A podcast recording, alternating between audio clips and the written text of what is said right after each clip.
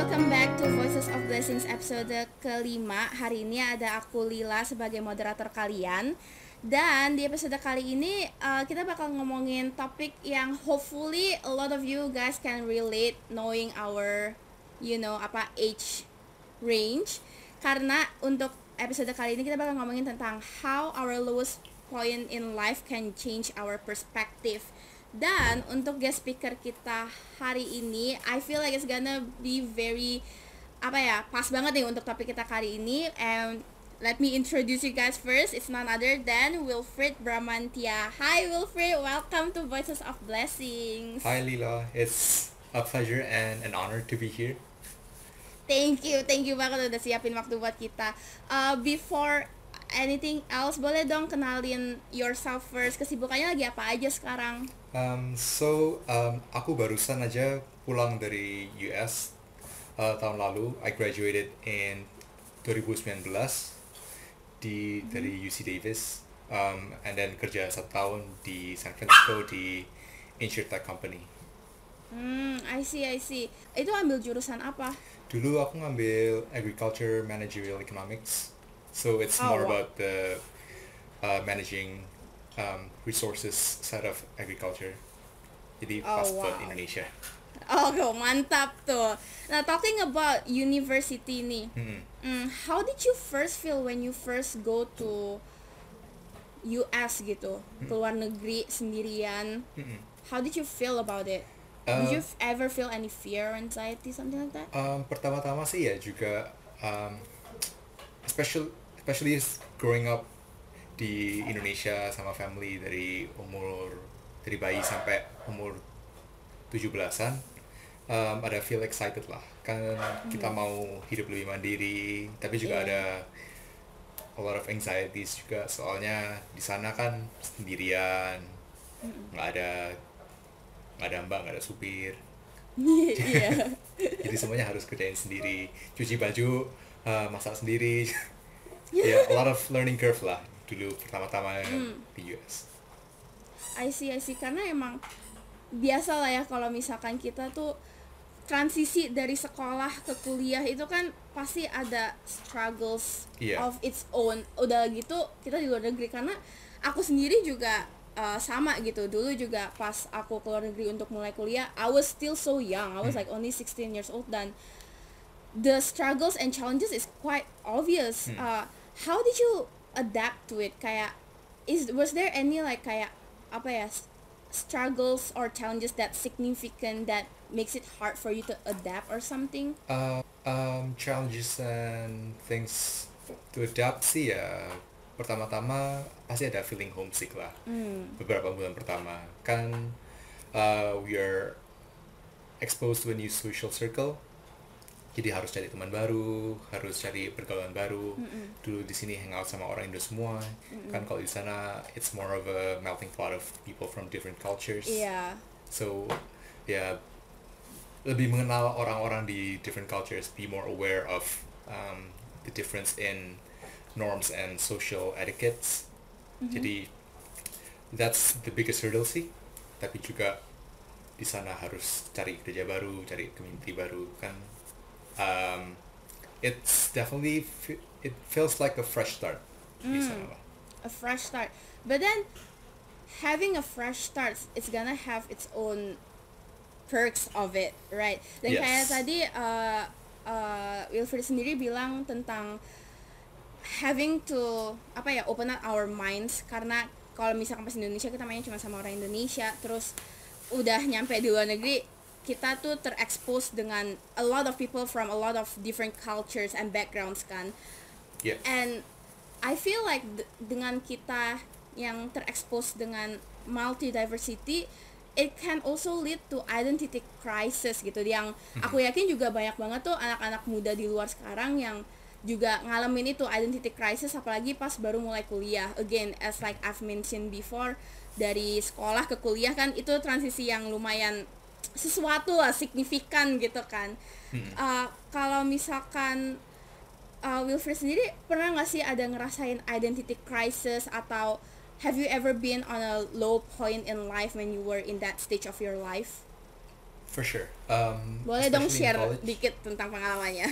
Iya, di di college kan pasti ada kepinginan um, join kayak parties, kayak Hmm. social itu. Kita kan dulu banyak lihat apa namanya um, sitcom sitcom Iya. kayak apa ya banyak sih sitcom yang kayak they glorify Greek life, ikut Mm. fraternity, sorority, Mhm. and then kayak college there's a lot of alcohol involved of course people di sana tapi juga di sana kan um, orang-orang lebih eksperimental Mhm. jadi pasti di sana kita ngerasa siapa aku sendiri Mhm. jadi diri aku Iya. um, am I going to be the stereotypical kid who goes to class and cuma um, and gets straight A's Mhm. am I going to be the social butterfly who's going to be in different parties every weekend, Mhm. every Friday and Thursday night,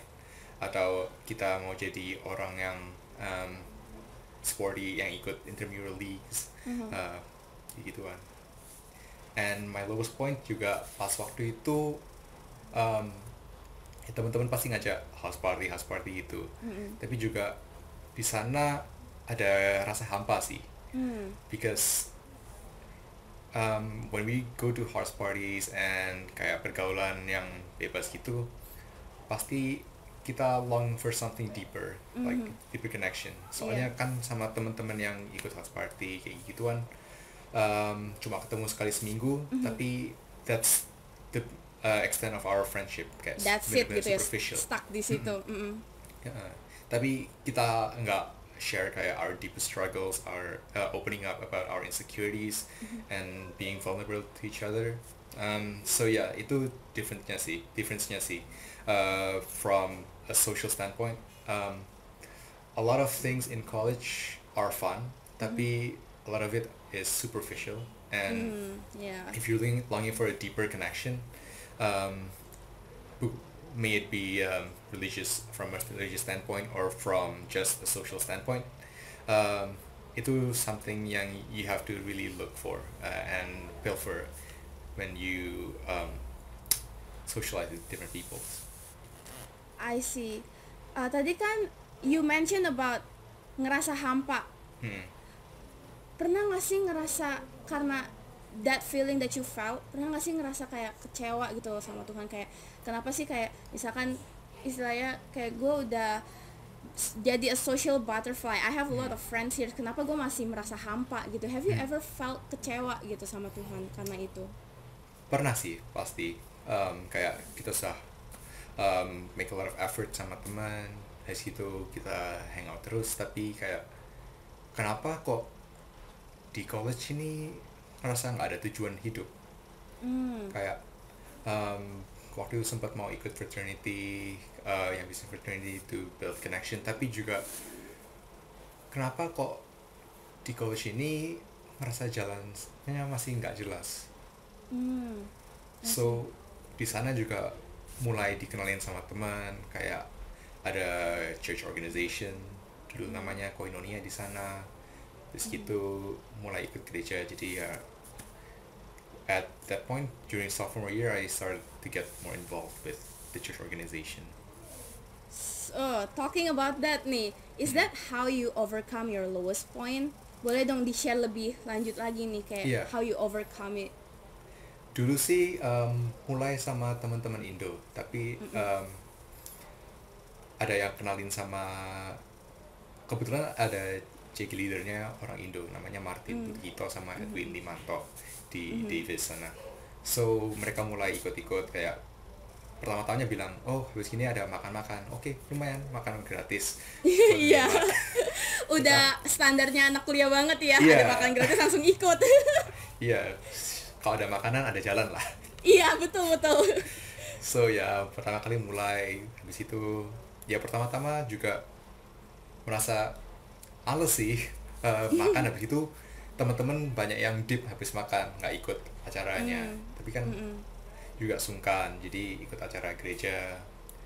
Habis gereja um, diajain sama community-nya. Um, habis ini uh, the bros are going to have game night and kebetulan aku suka main board games gitu sama Oh, teman-teman di Indo. Hmm. so it's kinda like a perfect match juga. Jadi one I found a community di sana yang I can trust with my issues yang nggak bakal backstab me in the back. Uh, and then kayak di sana juga I've ada kegiatan setiap hari Jumat malam um, Hmm. to help me distress from um, kerjain PR, TS sama final exams Mhm. juga. it really shows how community tuh emang benar-benar ngaruh banget ya di kehidupan kita apalagi di masa-masa kuliah gitu Mhm. karena the people around us juga kayak bakal affect kita subconsciously nggak sih Iya, definitely. Iya, terus after turnings to God's Ways again nih, kayak udah ikut community and CG and everything, ada perubahan yang Wilfried rasain signifikan gak sih setelah ikut ke community lagi, kayak udah mulai ada terangnya lagi gitu. Hmm. So perubahan paling drastis sih ya um, pertama-tama di college kita kan mikirin diri kita sendiri. Kita mau um, I want to get straight A, I want to get a good GPA. Aku mau be successful for myself. So mulai community itu um, of course kalau kita ngomongin Maslow's hierarchy of needs are kan di college kita masih harus mikirin physiological needs and then kayak sense of Iya. belonging, security kayak gituan. Once our physiological needs and our security needs is met, we want to have a sense of belonging. So di sana kita sah mulai mikir aku di dunia ini nggak cuma live for myself tapi juga for my community and for God juga. Hmm. jadi mulai um, mindsetnya different lah. Dulu yang kiasu kalau misalnya gitu, uh, mulai bantu-bantu orang kalau misalnya kesulitan.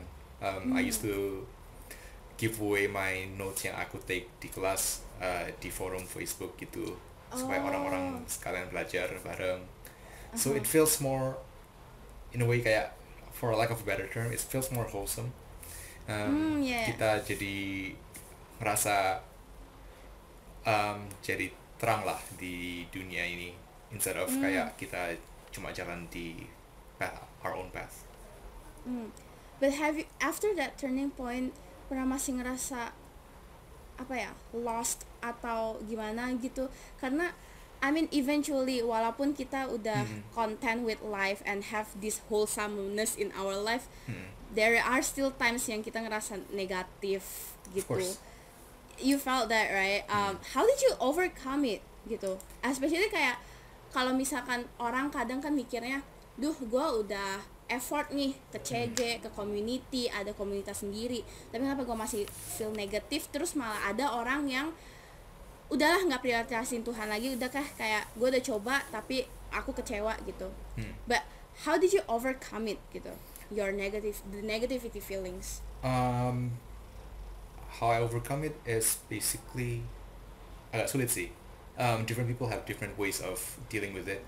Um, how about how how did you deal it yourself personally Uh, for me personally, um, I look back into my deepest point. Kayak I see where I am right now, uh, and what has God has given to me. Um, Being grateful is one thing. True. Um, yang penting kita pasti kita pasti ada setbacks and kita ada move forward lah. Um, what matters most for me is if I take one step back, I want to make sure I'm moving two steps forwards. Jadi, as long as we see that we're making progress, nggak harus kayak monetary progress, nggak harus uh, academic progress, um, and career progress, tapi juga kita tahu lah um, kalau God has our back. Um, at our, even our at our, at our lowest, lowest point. Kalau kita sudah ada di lowest point and kita di pick back up, kita look back to that moment uh, and remember that there is a silver lining to every lowest ebb. Mhm. feeling gratitude is also a way to bikin kita bisa engeh lagi dengan Iya. apa yang kita punya gitu kan Dan Yeah. tadi when you say that even though we take a step backward, but as long as we strive to step take a two steps forward itu itu bener banget sih karena kadang kita suka lupa sama apa yang kita punya terus kita malah dwell on our negativity. Kita kayak ngerang aja gitu di negativity-nya Iya. gitu kan. Especially kayak if we compare ourselves to other people who have who are more fortunate than us um, kan banyak orang bilang the grass is always greener on the other side. Tapi kita juga harus lihat um, different side of um, spectrum juga. Kita nggak boleh cuma ngeliat that uh, the more positive side of our spectrum. For example kayak temen aku yang di gereja dulu juga ada yang sempat homeless ada yang sempat um, deal with a lot of drugs and alcohol issue. Hmm. so we have to look at the ways um, the work the world work. Kita lihat kita ada di posisi ini. Ada yang lebih jelek daripada kita ada yang lebih bagus dari kita. Iya. So be present in the moment is also one way we can be more grateful with our situation and um, our connection to God True, grateful and aware lah Yeah. ya. Uh, nah, I want to talk about how jadi gini, most a lot of people itu tuh banyak yang kalau mau memilih jalan hidup tuh based on what it's worth it gitu. Hmm. Kayak misalkan ya contohnya uh, when you mention your friend yang lari ke drugs and alcohol. Why did you choose to prioritize God instead? Dan kenapa kalau misalkan memilih Tuhan itu tuh you decide that it's actually a worth it decision gitu. Karena a lot of people gak bisa melihat itu. Karena kayak banyak orang yang malah jadi hilang kayak aduh gue udah udah coba susah nih udah coba coba susah payah. I know that I've been trying so hard tapi Tuhan gak kasih kasih gitu. Kayaknya pilih jalan Tuhan udah gak worth it lagi deh. There's a lot of people that will think about like that kan. Dan aku sendiri juga witness banyak teman aku yang kayak gitu. How did you personally dealt with it and why do you think that it is actually good to prioritize God and it's worth it? Um, so kan aku ngambil economics, so I'm gonna answer it from an economist standpoint ya. Um, oh boleh boleh. so our life di sini kan our is constrained by our longevity kan. Tapi there's always question about um, life after death, and that goes into perpetuity. So um, kita kita dev- devote our time to God itu nggak take a lot of effort. So True. talking about um, utility to our effort ratio, um, choosing God is a rational decision to make. Soalnya kita cuma butuh, kita nggak butuh, butuh modal a lot of capital. Kita nggak butuh Betul, banyak uang, nggak punya labor. Kita cuma harus devote ourselves, harus um, milih jalan yang benar. Um, and that utility will go on to perpetuate to perpetuity. So for me kayak choosing God there's a minimal drawback and a lot of positive. Itu aja sih. Jadi kayak kalau misalkan memilih Tuhan itu jadi lebih apa ya? We get to experience more heavenly things daripada a temporary happiness. Going to substances, ngelari ke substances itu kan temporary happiness kayak lo cuma lupa ya udah malam itu aja Yeah. gitu. But when you're already with God, you get to experience the heavenly things kayak yang lebih adem apa Yeah. gitu. Again, happiness is fleeting kan. Um, and it's how you choose to deal with um, your negativity. Um, for example, kayak dulu, of course di sana California, it's like cannabis capital. Uh, I've tried True. I've tried uh, weed before, tapi juga it lasts four hours, and then habis itu ngapain? You don't feel productive. You don't feel anything when when you choose like to be in a community full of people who are devoted. Um, you feel like there's a family and there's a higher purpose that you are striving towards. I see. Actually, this kind of reminds me of a Bible verse nih. Ini dari Matthew 6 ayat 33 which says that seek the kingdom of God above all else and live righteously and he will give you anything you need. Ini tuh kena banget dan it's very cocok untuk topik kita kali ini karena as long as kita prioritize God, as long as we kita tuh tetap apa ya ngelihat jalannya Tuhan gitu, apa pun juga ntar dikasih gitu Hmm. kita ada imannya dan kita grateful and everything God will just keep on rain us with gratitude Hmm. and blessings Yeah. And the keyword there is need, bukan wants. betul betul kayak pasti kita bakal tercukupi gitu Iya. kan Kita kan Iya. sempat nih, kasih ada, ada yang mikir kayak, oh aku pingin rumah yang besar, tapi what we actually need is just shelter. We just need true physio- True, physiological needs. Anything above that is luxury in God's eyes. karena pasti juga ya Tuhan tahulah bagaimana caranya untuk mencukupi hidup kita Hmm. gitu kan nggak mungkin juga kita ditelantarin lah istilah ya kan Iya. Mhm. Okay, so before we end nih, do you have any like reminders atau kata-kata emas lah istilahnya for like all of the youngsters yang sedang struggling juga karena I'm I believe that a lot of people uh benar-benar struggling and have to and did like substances karena nggak tahu harus apa jalan hidup gimana identity crisis. Do you have anything that you can you want to say to the youngsters out there that's still in that phase? Yeah, just especially like people who are, um, especially the youngsters who are going to college atau menghidupi hidup mandiri. Um, first, uh, look at your community. Um, make sure kayak community kalian itu satu arah sama kalian. Kalau misalnya mereka jalannya beda, uh, it's okay to be friends, tapi try to find like positive impacts in your life. Oh ya. jangan sampai kalian cuma mau kelihatan keren tapi kalian juga harus mikirin kayak masa depan kalian.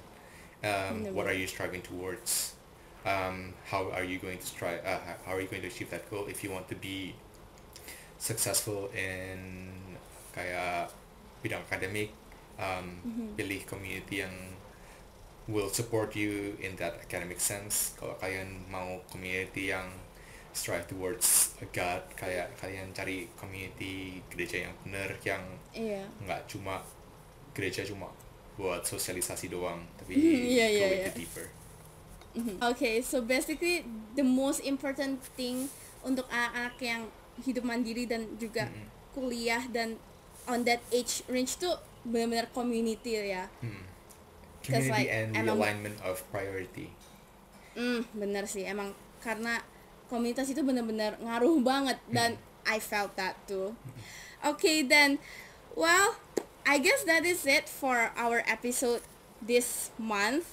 Again, I wanna say thank you so much buat Wilfred untuk nyempetin waktu dan sharing ke kita karena ini pasti juga bakal uh, apa ngebantu nih uh, orang-orang di luar sana yang mungkin baru mau masuk kuliah kan banyak nih kan I mean a new academic year is coming for university. Dan I pray that semoga juga ini ngebantu dan kalian juga jadi bisa lebih ngeh lagi nih pas kalian masuk ke kuliah. What you guys have to do and what you guys don't have to do like mm. it doesn't necessarily that you guys have to do. And yeah well I hope that you guys enjoyed this episode. Then I hope that I will see you guys on the next one. And let's be a blessing everywhere we go. Bye guys. Take care. See you guys